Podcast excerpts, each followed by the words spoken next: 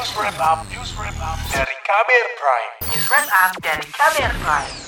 Saudara kepuasan publik terhadap kinerja Presiden Joko Widodo dan Wakil Presiden Ma'ruf Amin di bidang ekonomi menurun pada bulan ini. Penurunan itu cukup dalam jika dibanding survei yang sama pada awal tahun ini, yakni dari 64 persen menjadi 50-an persen.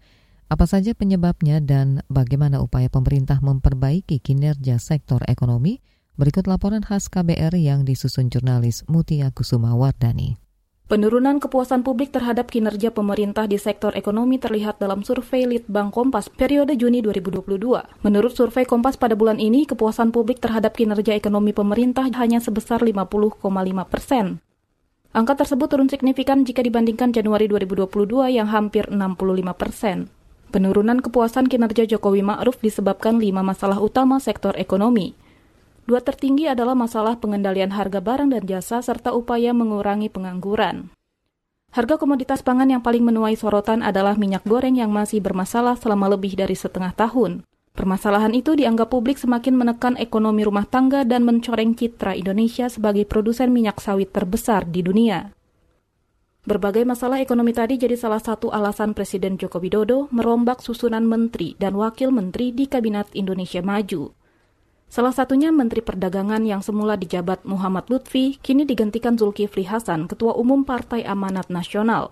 Sehari usai dilantik, Menteri Perdagangan Zulkifli Hasan melakukan inspeksi mendadak ke Pasar Cibubur, Jakarta Timur, Kamis pekan lalu. Di sana, ia menerima keluhan pedagang dan pembeli terkait kenaikan harga bahan kebutuhan pokok dengar keluhan pedagang ya saya sok juga. Memang keadaan anu ya tapi kan kita tidak boleh menyerah keadaan. Nah oleh karena itu saya akan langsung ke kantor. Kita akan rapat uh, cepat uh, untuk menyikapi harga-harga. Ketua Umum PAN itu berkomitmen mengendalikan kenaikan harga kebutuhan pokok di pasaran. Caranya antara lain berkoordinasi dengan Kementerian Pertanian dan Kementerian Koordinator Perekonomian. Sedangkan dalam jangka pendek, ia akan merangkul pengusaha besar terkait minyak goreng untuk bersama-sama menyediakan harga sesuai harapan masyarakat. Masalah ekonomi lain yang menyumbang ketidakpuasan terhadap kinerja Jokowi Ma'ruf adalah upaya mengurangi pengangguran. Padahal, berbagai upaya sudah dilakukan pemerintah untuk mengurangi pengangguran, antara lain lewat kartu prakerja. Meski menuai kritik, Presiden Joko Widodo memastikan program Kartu Prakerja bakal diperpanjang pada tahun depan dengan persiapan anggaran. Terus, jadi ini akan dilanjutkan, akan diteruskan, termasuk tahun depan itu anggarannya sudah ada, betul Bu Menteri ya? Sudah ada, jadi yang paling penting sekarang ini dievaluasi dulu. Ada koreksi-koreksi mengenai anggaran nanti disesuaikan dengan APBN BPN yang ada, tapi yang jelas dalam pengembangan SDM negara kita ini sangat baik. Kepala negara mengklaim lebih dari 80 persen alumni prakerja merasakan manfaat program bantuan sosial ini dan menambah keterampilan kerja. Menurut data Badan Pusat Statistik pada Februari lalu, jumlah pengangguran mencapai lebih dari 8 juta orang. Angka itu masih lebih tinggi ketimbang sebelum pandemi atau pada Agustus 2019 yakni sebanyak 7 juta orang. Jika angka pengangguran tak bisa ditekan pemerintah, maka dampaknya akan semakin meningkatkan jumlah keluarga yang miskin dan kemiskinan ekstrim. Padahal, di saat bersamaan pemerintah juga menargetkan angka kemiskinan 0% pada 2024.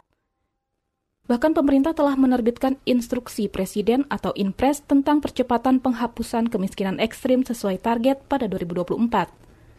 Wakil Presiden Ma'ruf Amin mengatakan Inpres itu salah satu upaya percepatan pengentasan kemiskinan ekstrim di lebih 200-an kabupaten kota. Pendataan penyempurnaan data-data mereka yang tergolong kemiskinan ekstrim itu ini baik tres itu diketahui secara terus disempurnakan. Wakil Presiden Maruf Amin menambahkan, sesuai Inpres, ia bertugas mengoordinasikan seluruh kementerian agar saling berkolaborasi sehingga setiap program tidak tumpang tindih. Ia berharap anggaran terkait pemberantasan kemiskinan ekstrim yang ada di masing-masing kementerian menjadi terpusat atau konvergen.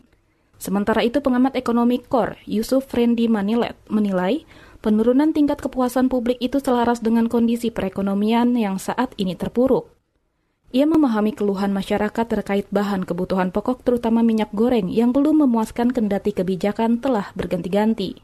Ketidakpuasan masyarakat dalam konteks survei ini menjadi valid karena itu tadi di tengah proses ingin mendorong pemulihan ekonomi, tetapi upaya untuk menjaga daya beli masyarakat yang berada terutama di kelompok menengah ke bawah itu tidak terjadi secara optimal. Demikian laporan khas KBR yang disusun dan dibacakan Mutia Kusumawardani. Kamu baru saja mendengarkan news wrap up dari KBR Prime. Dengarkan terus kbrprime.id, podcast for curious minds.